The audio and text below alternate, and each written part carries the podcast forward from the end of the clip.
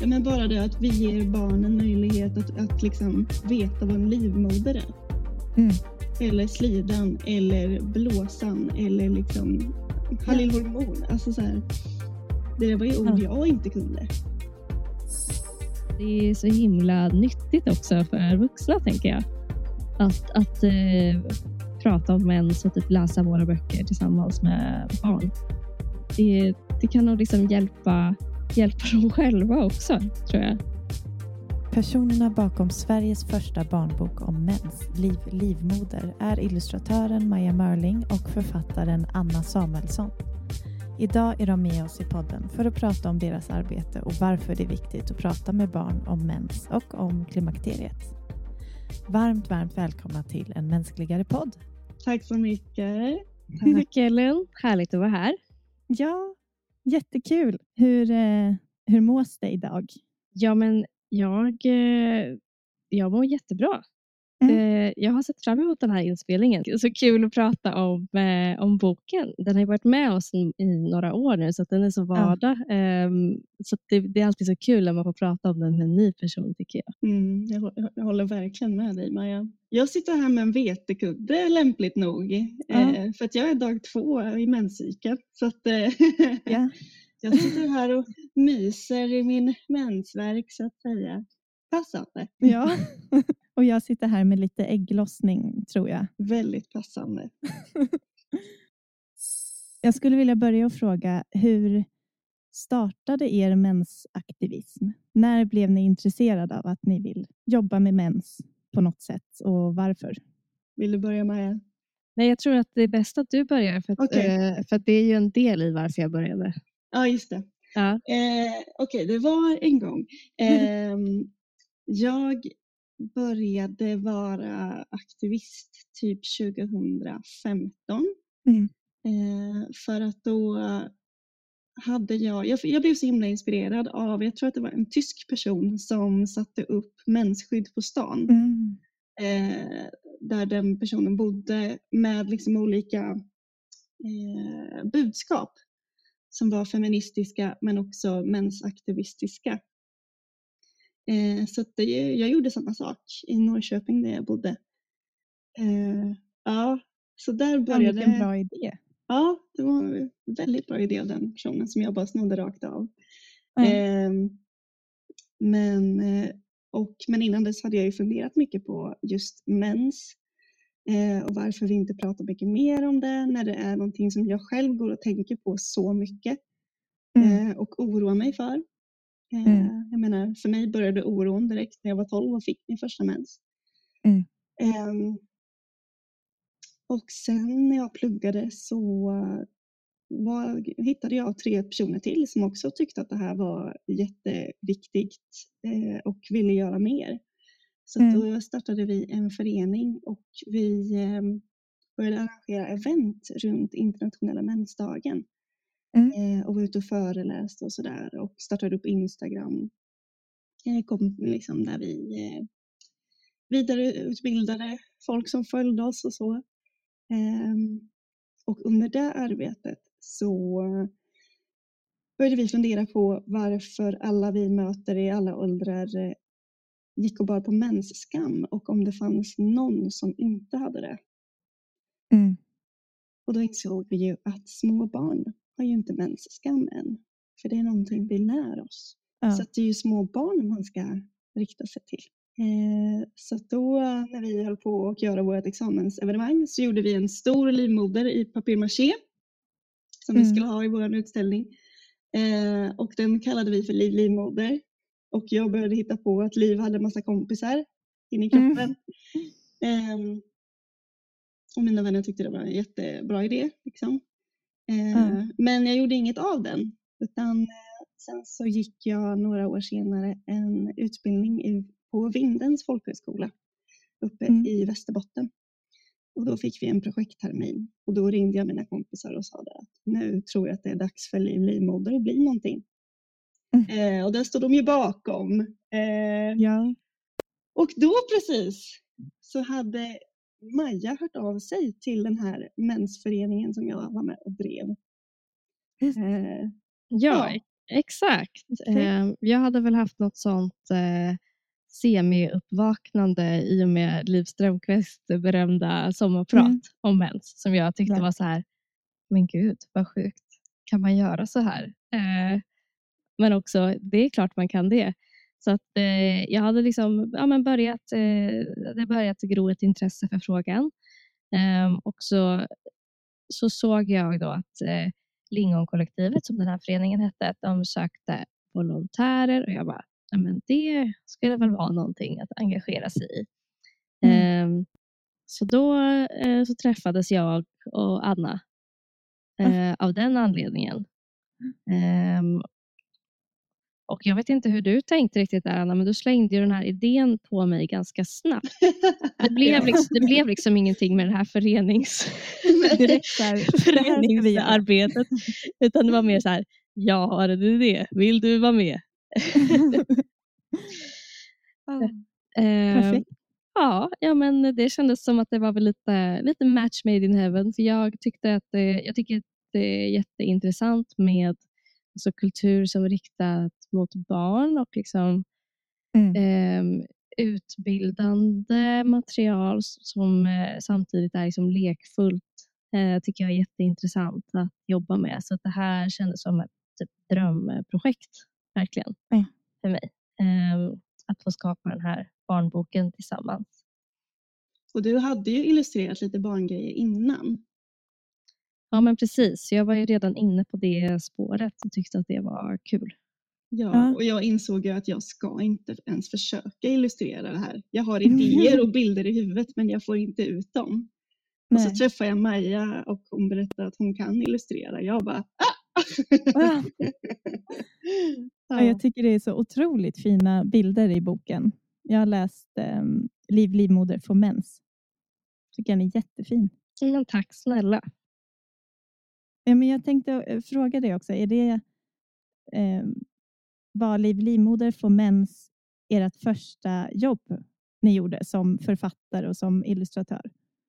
Eller hade ni gjort lite grejer innan? Ehm, jo, men vi hade väl gjort eh, lite projekt liksom på, på varsitt håll innan. Ehm, Mm. Inget superlikt. Ehm, så jag skulle säga att det var en, en, en, lär, en lärprocess för oss båda. Ehm, Men nu är vi ju Ja. experter på hur man skriver barnböcker, eller hur Anna? Exakt, ja, ja, Ja, ja. ja, nej men eh, för Maja, du var ju egenföretagare liksom redan och eh, höll på med illustration och gjorde liksom prints och grejer och du hade gjort en målarbok Mm. för barn. Eh, och jag hade mer bara så här eh, ja, skrivit lite artiklar och sådana saker. Så Mm. eh, det var ju mer att den här boken som jag hade i huvudet skulle ju ut och eh, då fick vi ju Ja. lära oss på vägen hur vi skulle göra det. Ja, det är som att starta en förening också. Vem Ja. vet det från början? Det, det får man bara lära sig. Exakt. Ja, ja. Ja. Precis. Learning by doing. och Fail fast. ja. Ehm, vad hade ni för förhållande till mens när ni var barn? Fanns det någon som ni kunde prata med om mens? Eller vad är era mensminnen? Ja, men för mig, jag fick mens ganska sent och när jag jämförde liksom med mina kompisar. Ehm, jag, Mm. jag var nästan 15 tror jag. Ehm, så att mensen var ju någonting som jag längtade efter. För att jag tyckte att det var så pinsamt att fortfarande vara barn. Typ. Det- För det var, det var så jag tänkte. att här, ah, När kan man äntligen bli typ vuxen? Ha... Och då, Mm. så här, mensen var liksom en, en symbol för vuxenheten för mig. Så jag tyckte att det var ganska jobbigt att prata om mens alltså, innan, jag, innan jag fick det. För att jag ville liksom inte att det skulle råka komma ut att jag inte hade fått mensen. Ehm, så så Ja. det, var, det var liksom mina de, de känslorna som jag kommer ihåg kring, kring mensen. Sen alltså när den väl kom, alltså, jag var så lättad. Ja. För man, man läste ju i, i KP att så här, ibland kan det ta ända tills man är 17 år och då kanske man ska söka läkarhjälp. Eh, Ja. Så det var ju liksom mardrömmen att så här, tänk om jag ska behöva gå liksom, till vårdcentralen också. Jag bodde också på en liten ort så att alla skulle ju veta. Ja. Ja, vad jobbigt. Ja, Ja, då är det också lite coolt att få mens liksom, för att man blir vuxen. ja men sätt. precis. Ja, det, var verkligen, eh, det var ju verkligen superdubbelt. För det var ju dels liksom en, en statussymbol. Eh, men det var ju också superäckligt Mm. när, när tjejerna hade mens. Alltså det Ja. var ju någonting som man liksom mobbades för. Och, Mm. eh, liksom den här eh, klassiska bilden av att oj, oj, oj, man tappar en tampong i, korridoren och det blir panik. Det var ju så på riktigt. Ja. Då blev man ju liksom, ja, det, då är man ju mens-Maria sen resten av, eh, Ja, ja, resten men av hela- terminen. Liksom. Ja, men då skulle ju hela din sociala status bara så här dunsa i botten om det hände. Ja, Ja. ja, det är så knäppt. Ja, ja den här klassikern om att man inte vill vara först och inte sist när man får Ja. mens. Mm. Jag var 12 när jag fick mens, så jag visste att det var några i klassen som hade fått det innan, men jag var ändå ganska tidig. Mm. Eh, jag tror, ja, men det var ju i sexan jag fick det. Mm. Och jag kommer ihåg, alltså jag visste ju att det skulle hända, för mig var det väldigt tydligt att min livmoder hade tränat i ett år. Liksom, med flytningar och jag hade haft kramper och sådär. Mm. Så jag visste att något var på gång. Ehm, och hela puberteten, det här med liksom, eh, bröst som gör jätteont och finnar som plötsligt kommer och plötsligt en dag vaknar jag upp och jag har höfter. Alltså, Mm. Hela den grejen. Ehm, allt bara poff. Ehm, men jag kommer ihåg väldigt tydligt första dagen i skolan med mens. Mm. Eh, för då hade jag idrott och jag var tvungen att säga till idrottsläraren att jag inte ville vara med på lektionen för att jag hade fått mens. Mm. För det var ju mitt livs andra dag med en binda i trosorna. Ja. Liksom. Jag bara, "Det- jag- nej, jag, jag tänker inte springa med det här. Liksom. Ja, man vet inte hur det går. Nej, och bara ovant och det skaver och jag vet inte vad. Mm. Eh, och min idrottslärare liksom bara så här, okej. Här, Och sen bara gick typ. eh, och direkt kommer det ju fram två så här, eh, tjejer i klassen och börjar så här, Åh, har du fått mens eller? Typ så här. Ja, Mm. ja det, det vet ni ju. Så här. Ehm, men sen kommer jag också ihåg på rasten.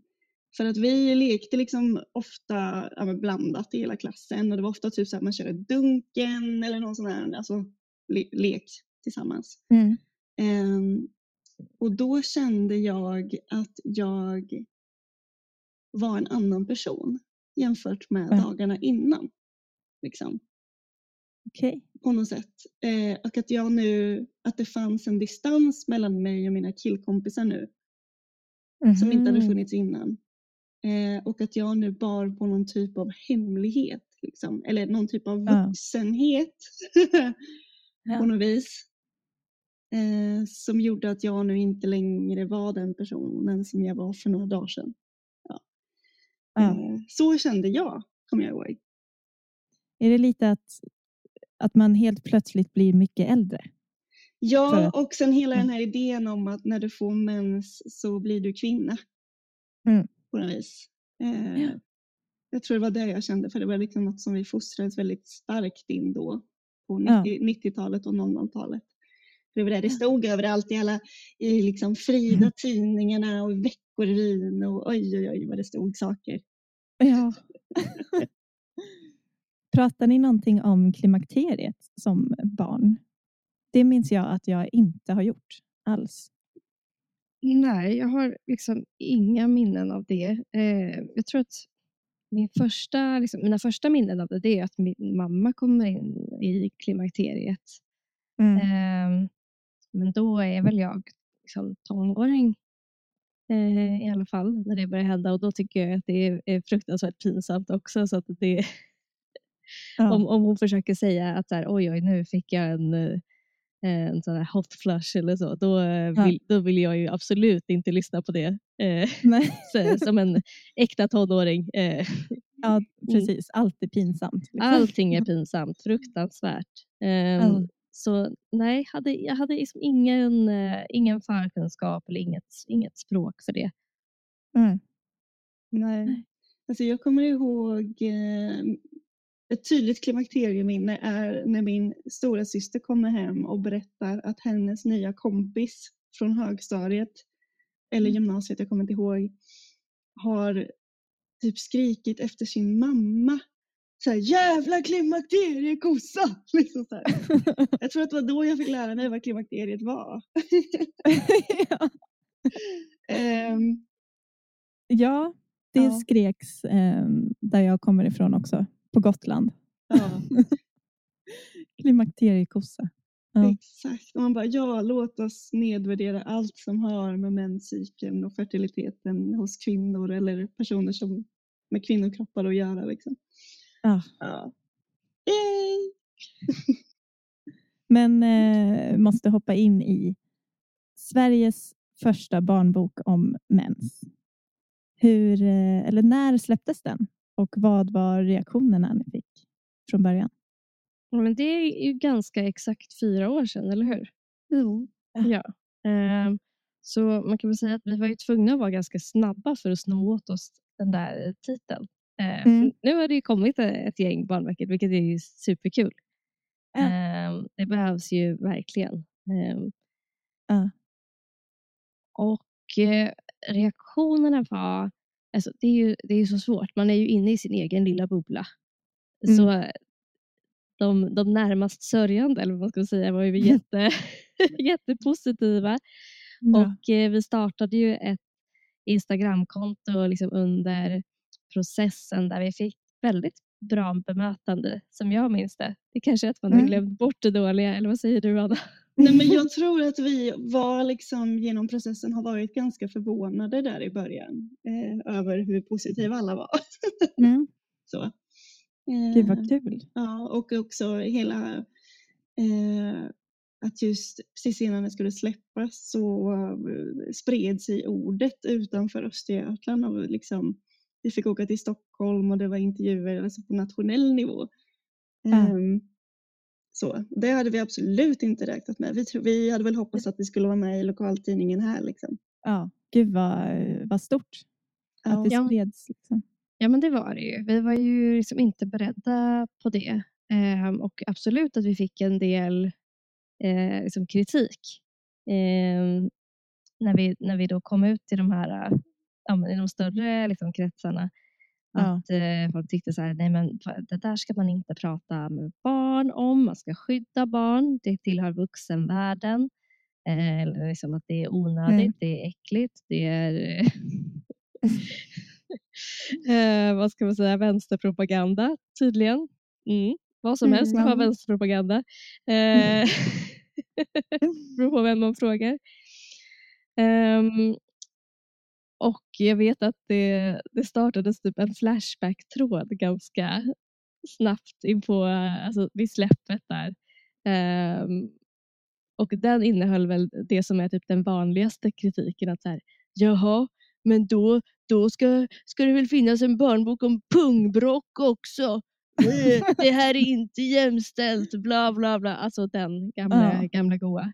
Att eh, det är inte Mm. alls eh, eh, feminism utan det är ju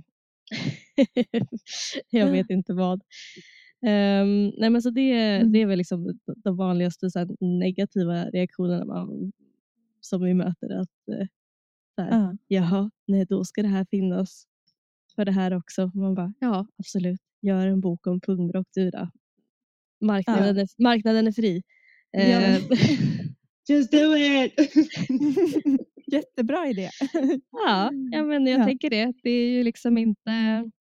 Eh, det, är, det är ju liksom lite intressant när det kommer liksom sådana här initiativ som till exempel våra böcker. Eh, tänker att vi är ju som ett, ett litet förlag. Vi, vi gör allting själva. Vi, vi så kämpar verkligen för att nå ut. Eh, Mm. och, ja, men, och, så här, vi har ju nått ut på ett bra med de medel vi har haft. Mm. Ehm, men ändå blir, kan man bli bemött som att man är något så här otroligt hot. Mm. Mm. Vilket är superintressant. Varför, varför människor känner sig så hotade av liksom en barnbok. eh, Ja. som, som säljer några tusen ex. Ja, precis. Och att det blir, eh, folk ser det som en sån stark feministisk kamp direkt. Eh, att det är liksom också, ja, på ett negativt sätt. Ja. Varför ska man inte prata med barn om någonting som är så mänskligt som mens? Liksom? Exakt. Exakt. Mm. Ja. Så det har väl också blivit vårt standardsvar då, när folk frågar varför. Då säger vi varför inte. Ja, Ja, verkligen. Behöver vi inte gå in på det mer än så. Ja. Och det var för några veckor sedan, kommer du Maja, så fick vi någon som hade skrivit feministnazist till oss. Eh, och vi båda blev så här, åh, den var retro, den har vi inte hört på tio år. Så här, åh. Var det inte typ så Ja. 2015 eller någonting som det var så standard att alla blev kallade för feminazis liksom? Wow, ja. precis. Bring back feminazis. Yes please do it. Och till och med Eh, någonting som jag har glömt bort. Ja, varsågod, nu fick du den. Ja. Ja.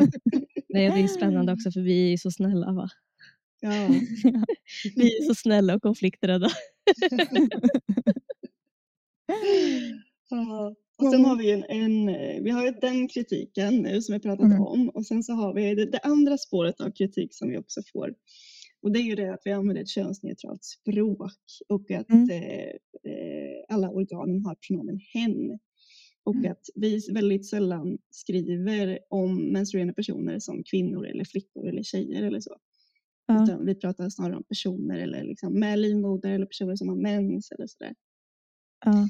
Eh, och då kommer ju kritiken istället att eh, vi raderar kvinnor eller att alla som, eh, det är bara kvinnor som har mens eh, och så Mm. vidare.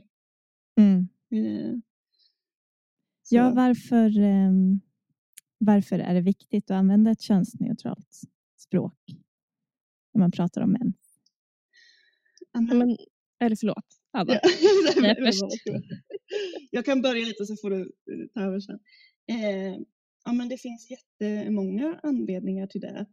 Eh, dels för att alla som har mens inte är kvinnor och alla kvinnor som Mm. har, eller alla kvinnor, ja du fattar, alla kvinnor har inte mens och alla som har mens är inte kvinnor ska jag säga. Mm. Eh, sen är det också så att eh, vi har många runt oss som är hbtqia och vi själva identifierar oss ju där också. Så Mm. för mig är det liksom en självklarhet Ja. eh, att vi vill inkludera så många som möjligt eh, i de böckerna vi gör. Mm, precis, och det är ju, där sätter du liksom huvudet på spiken. Alltså I de böckerna vi gör, i det, i det vi gör, så tycker vi att där är det viktigt liksom att använda ett, eh, ett typ, ja, transinkluderande, liksom könsneutralt språk. Men det betyder ju inte att vi tycker att man ska göra det överallt. Nej. Eller så här, det här är ju det som, som vi skapar. ehm, och det finns ju extremt mycket ehm, liksom information och eh, så här, men böcker som handlar om mens där man pratar om kvinnor och flickor. Då är det väl bra, tänker jag, att det finns någonting som inte är riktat så, liksom inte har det språket. Mm. Ehm, att det ska finnas liksom ett, ett urval. Det betyder inte att allting behöver vara så som vi gör. Det är, Mm. det är meningen att liksom, vi har gjort så för att skapa fler alternativ. Inte för att eh, liksom, radera ut och skapa bara ett alternativ. Det är ju det Nej. som har varit innan. Innan har det bara varit ett alternativ. Ja, och vi vill ge flera. Jag menar, jag har en gedigen eh, mens eh, och feministisk bokhylla här. Det är, liksom, Mm. det är väldigt få av dem som har ett könsneutralt språk. Så då ville vi ge det istället. Jag har läst eh, Liv livmoder får mens och där får vi möta huvudpersonen som är Liv livmoder och ta del av hennes erfarenhet av första mensen. Liv livmoder är släkt och kompis med kroppens organ som heter tametarm, bläckeblåsa, halilhormon, sivslida och Hjördis hjärna. Jag tycker det var en så fin berättelse när första mensen kommer att Liv livmoder kände sig så glad och nöjd att hon klarade av att få första mensen med hjälp av hennes släktingar och vänner. Eh, och Det ger en positiv bild om att mensen inte är något farligt och att man ska tycka om sina organ. De är häftiga och de hjälper varandra. Vad, eh, hur var tanken kring språket och tonen kring positivitet? Ja, men vi ville ju att det skulle vara liksom, lekfullt och att det skulle liksom, väcka nyfikenhet eh, och samtidigt Mm. vara såklart liksom, rätt och riktig fakta. Eh, Mm. Det är väldigt svårt att eh, beskriva menscykeln på ett språk som 3 till 5-åringar klarar av kan jag säga. Eh, det är jättesvårt att veta vad man ska ha med och inte. och Vad som är liksom de viktiga delarna. Ehm, och samtidigt så måste det ju bli en, en historia som så barn kan ta till sig. Och Mm. eh, då, det är ju liksom det här med, med samarbete och att man behöver varandra och att det kan vara jobbigt men man klarar det om man tar hjälp. Det är ju liksom teman som känner igen från många barnböcker, tänker jag. Mm. Ehm, och det är ju på riktigt så det är inne i kroppen. Att så här, alla delarna behöver ju jobba tillsammans för att det ska fungera. Mm. Ja, och de hör ju ihop. De är ju inte isolerade på något sätt. Ja, men och just att vi också ville att det skulle vara, att mensen skulle vara något positivt. För att det är liksom en, en pedagogik som vi känner behövs för att kunna sprida menskunskap och också att bryta ner stigman och skam och fördomar och så. Mm. Eh, för att jag i alla fall växte ju upp med en ganska liksom, negativ syn på mens. Eh, Mm. Utifrån, och det var liksom hela samhällsklimatet då, att åh nej, mens, eh, och att du var på något sätt en sämre människa när du hade mens typ. Ja. och du kan inte ta beslut och dina känslor är irrationella och sådär. Men, och därför har ju vi valt att se det som en superkraft istället. För att det är ju där det är också, för utan menscykeln skulle ju ingen av oss finnas här. Exakt. Jag tyckte Mm. det var jättefint och bra. Att det, liksom, det visar också på att man kan eh, vara glad när man har mens. Och Det är också en bild som jag har haft sedan jag var liten. Att det gör väldigt ont och man ska vara rädd för att blöda igenom trosorna. Och allt är liksom ganska läskigt och otäckt. Liksom. Mm. Så Det, Så fullt av massa krav och måsten och liksom, ja, men administrationen runt det hela. Ja, precis. Och sen så tänker ju vi att det, är ju, det är inte så här att man sen behöver älska att ha mens resten av sitt liv. Det tror jag Mm. eh, få, få personer gör. äl- Älskar alla delar av menscykeln. mm. Eh, men att, eh, att det är omskrivet liksom på ett så positivt sätt, det gör ju att man kanske vill lära sig mer och är mer liksom inkännande mot sin kropp när det väl händer saker. Och att man får med sig liksom det här språket och möjligheten att så här, prata om vad det är man upplever med sin egen kropp. Mm. Eh, vilket kanske gör att det är lättare att, att söka hjälp om man skulle ha problem med mensen senare i livet. Ja. Ja. Ja, men bara det att vi ger barnen möjlighet att, att liksom veta vad en livmoder är. Mm. Eller slidan eller blåsan eller liksom halilhormon. Alltså så här, det var ju ord Ja. jag inte kunde. Och hur kommer det sig att ni valde att gå vidare med en bok om klimakteriet också? Ja, men däremellan så var det ju faktiskt en eh, bok som var väldigt efterfrågad. Nämligen Liv Mm. livmoder bygger en bebis. Ja. Eh, för att vi, eh, när vi liksom lärde känna eh, våra läsare, det var ju liksom jättemycket småbarnsföräldrar som vi, som vi fick träffa då och prata med och skriva med. Eh, Mm. Och det var ju många som sa bara, när kommer boken om graviditet? Ja, okej, vi, okej, vi gör en till. Ja, och Ja. vad kommer hända i nästa bok? Bara, Ja, ja. nej men så... eh, Nu kommer jag liksom, det låter som att jag eh, talar ner klimakterieboken lite, men till skillnad från Bygger bebisboken så var ju den absolut inte efterfrågad. Nej, Nej. nej. Utan, utan det var mer, eh, ska jag säga så här, ett litet experiment för oss. Så här, kul, typ ett så kul projekt för oss. Att så här, Mm. ska, vi, ska vi se om det går att göra en om klimakteriet också? Vad kommer folk Ja. att säga? Hur ska vi få ihop det? Vad, Ja. Ja, eh, så ett väldigt liksom, spännande projekt bara, bara för oss att försöka få ner liksom de viktiga beståndsdelarna om klimakteriet i barnboksformat och också så här, försöka övertyga folk om att det här, det här ska ni prata med era barn om. Det, Mm. det är inga konstigheter. Exakt, för där såg vi ju också alltså ännu mer att det finns ju inget barnmaterial om klimakteriet. Nej. Eh, men alla barn har ju äldre människor runt sig. Eller inte alla, men många. Mm. Ja. Eh, och på den här frågan, så här, men har, har farmor mens? Eller vad händer? Kommer jag ha mens hela livet när jag väl får mens? Mm. Nej, det kommer du inte. Den kommer ta slut. Mm. Liksom. Mm. Det är också, alltså jag tänker att eh, nu är det ju en trilogi så att säga. Mm. Eh, och eh, den följer ju menscykeln genom livet på något sätt. Starten och slut, alltså och hela vägen till slutet. Då. Så det känns som att den eh, är ju en minst lika viktig bok, men den är som sagt inte lika efterfrågad än. Nej, men det kan ju vara väldigt kul typ, när eh, man är ute och eh, liksom, säljer på liksom, mässor och så vidare. Och, eh, det är ofta liksom, då, damer i klimakterieåldern, Mm. om vi säger så, generaliserar lite, som reagerar på den och bara haha, den där är väl till mig. Eh, och eh, så, eh, så kommer de fram och tittar och bara, men eller är den det? Man bara, Nej, det är en barnbok. Och så blir det ofta så här, va? va? Varför då? Typ? Varför en barnbok? Ehm, men Ja. att de ofta, liksom, när, man, när, man, när vi förklarar det här som Anna sa, precis att, men dels då, varför inte? Mm. standardsvaret. Eh, Men också att va- varför ska du inte kunna liksom så här, prata med till exempel ditt barnbarn om det som pågår? Det är ju också så här, bara typ en spännande process i kroppen. Ehm, Ja. Så eh, vinner vi oftast över dem. Ja, och alltså, den, ska, alltså den, den är ju den som eh, startar flest konversationer när vi är ute. Helt Mm. klart.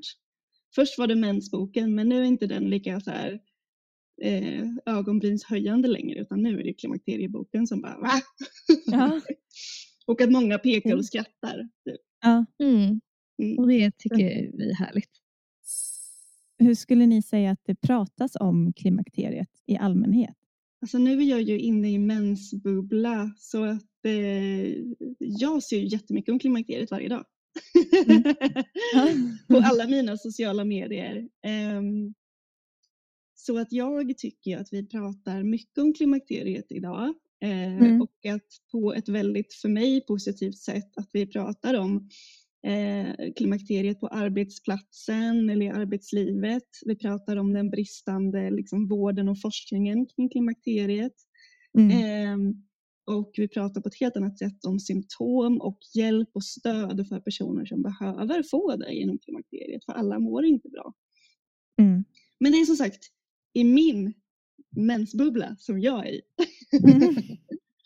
Så jag kan inte riktigt svara på hur det ser ut utanför den. Nej, men precis. Men jag skulle vilja säga generellt, eh, alltså de här personerna som, som man kan möta som inte känner till oss och kanske inte riktigt är inne i den bubblan, Mm. de kan ju ofta komma fram och så pratar de lite, lite viskande så här och säger att ja, ja, jag har haft så mycket problem och eh, det, det är svårt att, svårt att hålla tätt eller det kliar eller vad det nu kan vara. Eller så här, jag är så virrig och trött.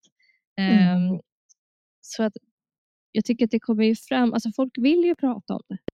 Mm. Precis, och det är, ungefär, så- alltså det är ganska likt eh, den upplevelsen som vi har haft med mensboken. Att här, det finns jättestort behov och intresse av att prata om det här, men det ges liksom inga öppningar typ, i folks vardag. Ehm, och, Nej, så de eh, vill prata med främlingar på äh, mässor. Liksom. det kan Ja. de. Viska fram det. Ja. Ja, men exakt. Och bara, den där hade jag behövt. Liksom. Ja, Jaha. precis. det, är ju, det är ju mycket så här, den bilden av klimakteriet är ju så här att det går typ från en dag till en annan. Att så här, Mm. Snap så är du liksom, så där var mensen slut och nu svettas du och eh, har ont i huvudet i några år och sen är det över med det. Mm. Ehm, Men det är ju så mycket som, eh, som man inte vet, som, liksom inte, som man inte når ut med. För att de flesta som har problem, de söker ju inte hjälp förrän det är riktigt illa.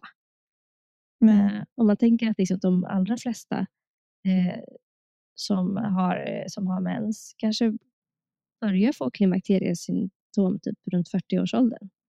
Mm. Då är det ju, de flesta är ju inte medvetna om att det är det det är. Utan det är mer så här, ja, man, man förklarar liksom bort det med annat. Eller så här, oj, jag behöver kanske träna mer. Eller jag behöver äta mer vitaminer. Eller vad det kan ja. vara. Och det är ju sånt. Eller, kan ju... den, här, den här klassikern, jag börjar bli dement. Så. Ja. Bara, mm, eller så är det hormonförändringarna nu. Ja. ja, ja men precis. Och att det är så här, ja men absolut att eh, ja, men, så här, kost och träning kan ju, det kan ju såklart förbättra liksom, måendet. Men ofta kanske man behöver ännu mer stöd och hjälp i vad man kan göra för att må bättre. Och ja. där är det som en stor liksom, kunskapslycka upplever jag. Ja, jag upplever också att det pratas mer om mens än om klimakteriet till exempel. Mm. Men jag tror ju verkligen att, för jag har vänner som är i klimakterieålder mm. eh, och jag upplever ju att de kanske är så att säga den första generationen som faktiskt pratar om mens och som faktiskt eh, kräver mm. att få vård. Och det är väl därför mm. också som köerna blir så långa och att det här blir ett problem. Ja. Och när det blir ett problem så pratar vi om det. Eh, och det kan bli på nyheterna eller sådär. Och bara det att vi har några få privata kliniker i Sverige som har specialiserat sig på klimakteriet för mm. att vården inte kan alltså, ge den vården. Eh, men att köerna dit är så himla långa. Ja. Liksom. Det säger ju verkligen någonting om att efterfrågan är mycket större nu och det är ju både positivt och negativt såklart. Ja. Um, vad vill ni se för förändring i samhället kring just dialogen om eh, klimakteriet? Ja, men jag vill ju verkligen att man ska prata klimakteriet i skolan också. Jag, mm. alltså, nu har inte jag kollat den senaste, liksom, eh, eh, vad som kommer från Skolverket, vad man ska prata om. Eh, men jag hade koll för några år sedan på det. Mm. Eh, och det var ju knappt att menscykeln nämndes. Liksom. Nej. Eh, och jag tycker att det är viktigt att inte bara prata om, så här, alltså, om risken att bli gravid och eh, hur en graviditet går till och sådär. mm. också, men också prata om liksom, mensens start och hur det är att ha mens och allt det där. Men också mensens avslutande. Mm. Um, också så att vi får bort att klimakterie är ett skällsord. För det är det ju. Mm. Liksom. Eh, och ett sätt att nedvärdera människor. Um, ja, alltså det handlar ju om att liksom bygga upp en förståelse och respekt för andra människor deras, och deras kroppar. Mm. Eh, och det tänker jag att det kan man liksom inte börja med för tidigt. Amen. Ja, verkligen. det är en sån trygghet i livet att ha koll på sin kropp. Ja men verkligen. Även om det skulle vara många år framåt tills man hamnar i klimakteriet så kommer man någon gång eh, vara med om det. Och då är det ju liksom verkligen bara bra att känna sig trygg med den kunskapen tidigt, tänker jag. Ja, och jag ja. tänker också som person alltså, som är nära någon som går igenom klimakteriet så är det mm. också en trygghet att förstå vad är det som händer och finns det någonting som jag kan göra för att mm. underlätta för den här personen. Ja. ja. Har ni fått några reaktioner från barn? Vad, tycker, vad säger barn om böckerna? Alltså, det är föräldrar som eh, hör av sig till oss oftast när de skriver till oss och skickar bilder och sådär. Ja. Eh, så att vi hör ju väldigt mycket positivt. Mm. Eh, och jag blev så glad, det panel, kanelbullens dag idag när vi spelade mm. in och Maja gjorde en reel med en jättefin bulle som vi fick en bild på för några år sedan. Mm. Där ett barn har gjort liv livmoder i form av en lussebulle. Nej, vad fint. Eh, och det är liksom, eh, det är en av mina favoritkreationer. Eh, liksom, ja, det är ja. så fint. Och mycket teckningar och sådär eller berättelser om att barn har döpt ett gosedjur till Siv Slida. Mm. Eller eh, att de vill leka menscykel med farfar och sådär. Eh, och under pandemin så var vi ju inte ute någonting eh, på mässor och så. Mm. Men, och det var ju väldigt roligt när vi väl fick göra det igen och kunde träffa föräldrarna och barnen. Eh, Mm. och framförallt barnen tycker jag är väldigt roligt att se för de kan bli lite så här, det är som att de träffar en kändis. Ja. Eh, fast liv finns ju inte. Eh, och de har ingen relation till mig och Maja. Liksom. Men vi är, vi är Liv Livmoders föräldrar. Liksom. Ja precis, det brukar vara så att de bara, det är Liv Livmoders mammor det där. Så man bara, de blir såhär, oj är det sant? Wow. Och så står de där och är lite starstruck på något sätt. Eh, eller, ska, eller så kommer de fram och bara, jag har den och den och den och den.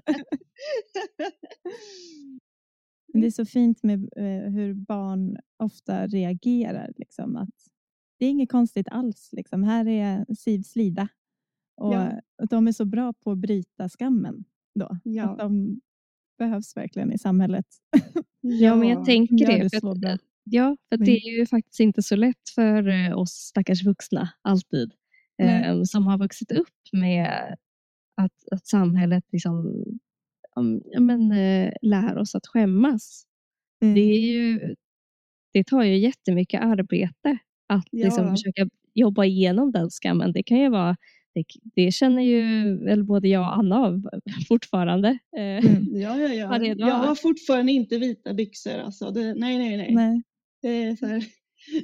Nej men eh, exakt och att det kan vara så här att man, man kan tveka lite i vissa sammanhang att bara, oj ska jag ta upp det här eller om vi står på en mässa, oj den där personen vågar jag nog inte börja prata med för att Mm. ja, det, det känns som att jag inte kommer få liksom, en bra reaktion.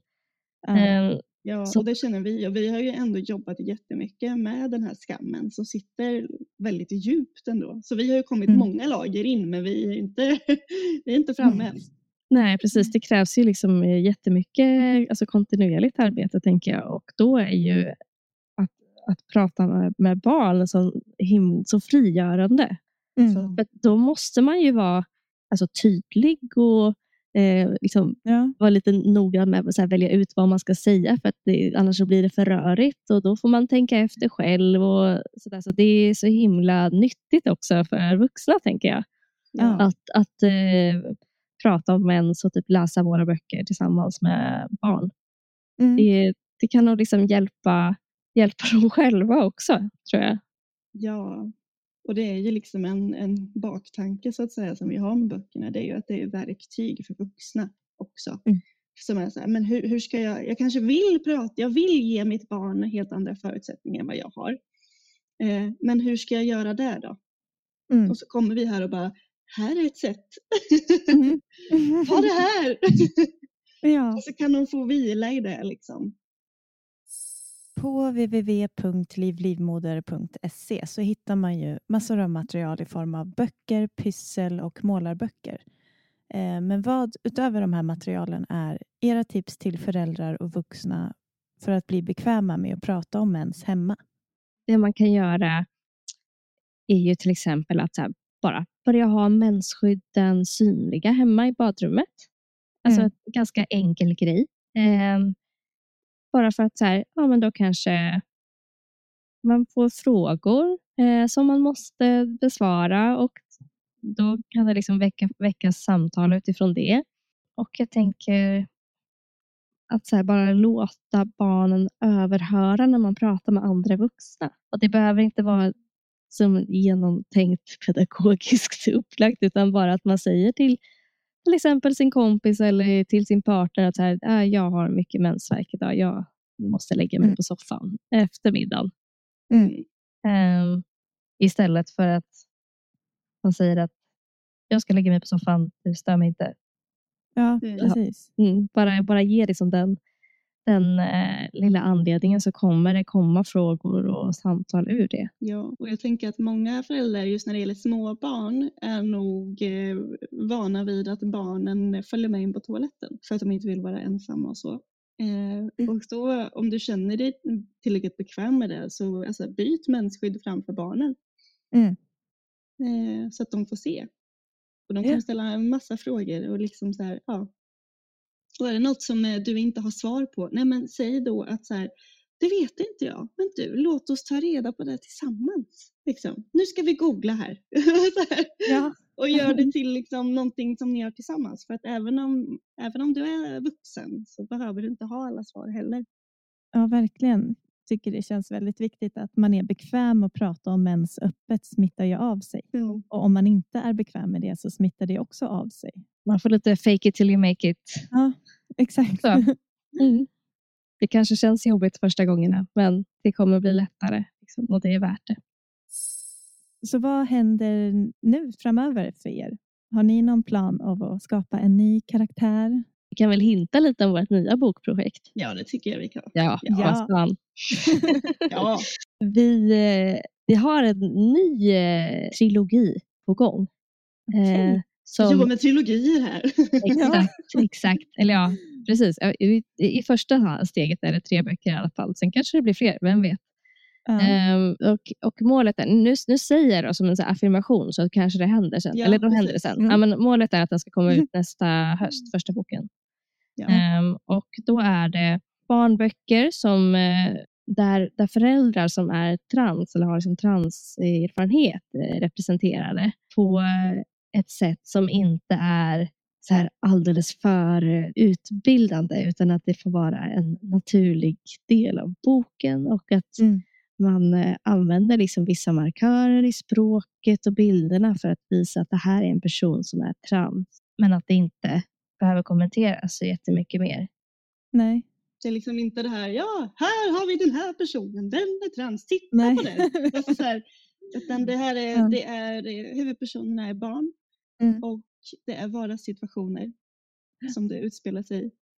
Men att det är liksom eh, transerfarenhetspersoner som är representerade på ett självklart sätt. Bara.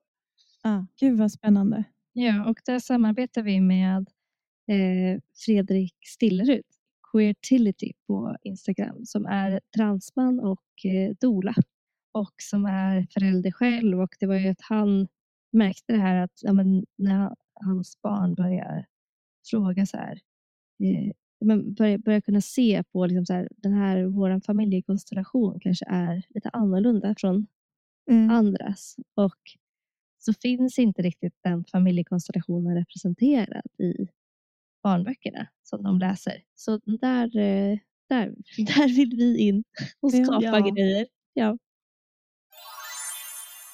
Vad är era bästa menstips?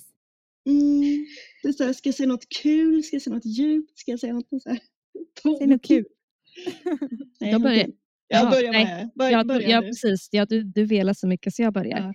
Ja. Eh, ja, men jag skulle väl säga att eh, mitt bästa menstips, det här fungerar ju såklart inte för alla, men fungerar väldigt bra för mig och det är liksom att embracea de olika delarna av menscykeln. Mm. Eh, för jag och väldigt många andra har sådana dagar i månaden där man känner sig som en säck potatis och bara vill ligga under en filt och äta till chips. Mm. Och eh, att typ kämpa emot då de dagarna och försöka liksom vara på topp och prestera och liksom vara smart och träna. Och så Mm. det, det funkar i alla fall inte för mig. Eller det funkar väldigt dåligt. Eh, så att då tillåta mig själv att vara under den där filten sådana dagar när man har möjlighet att göra det. Det ger så mycket mer än att försöka bara kämpa sig igenom det. Samma sak de här dagarna när man har supermycket energi och är så här, har tusen bollar i luften. Ja, ta vara på de dagarna också då. Mm. Eh, så man är ju liksom tio gånger mer effektiv en sån dag och det kan man räkna in de där andra dagarna. Man behöver inte vara liksom, eh, som en robot som, gör, eh, som presterar exakt samma sak varje dag. Mycket bra tips. Okej, men då ska jag försöka säga något helt annat tips. Ja, men då säger jag att eh, utforska mensskydd. Eh, prova vad som funkar för dig och din kropp Mm. och var beredd på att det kan ändras genom livet. Mm. Ehm, jag till exempel, jag var stenhård tamponganvändare Mm. jättelänge och sen så blev det menskopp som jag bara älskade. Eh, och sen så drabbades jag av eh, liksom mycket slidkramp eller någonting så att det blev så här, Mm. jag kan inte ha menskoppen för att hela mitt liksom, underliv bara krampar ihop. Jag kan inte ens gå. Nej, Eh, så jag bara, jag vågar inte ha invärtes mensskydd. Nej. Så då har jag fått utforska liksom de utvärtes varianterna och nu Mm. landat i att jag älskar menstrosor och tygbindor. Gud vad bra. Ja, och just att, att det finns så många olika så att Ja. eh, våga prova olika. Ja, grymt tips. Stort tack för jättebra tips och eh, det var jättekul att få höra om er resa med Liv Livmoder och er aktivism och ser fram emot att följa kommande projekt. Ja, och tack så jättemycket. Det har varit så kul att prata med dig Ellen. Ja, jättestort tack för att vi fick komma. Du har nu lyssnat på ännu ett avsnitt av En mänskligare podd skapad av Ideella Mensenstyrelsen för att öka menskunskap och minska menstabun. Tack för att du lyssnar och skaffar dig mer kunskap.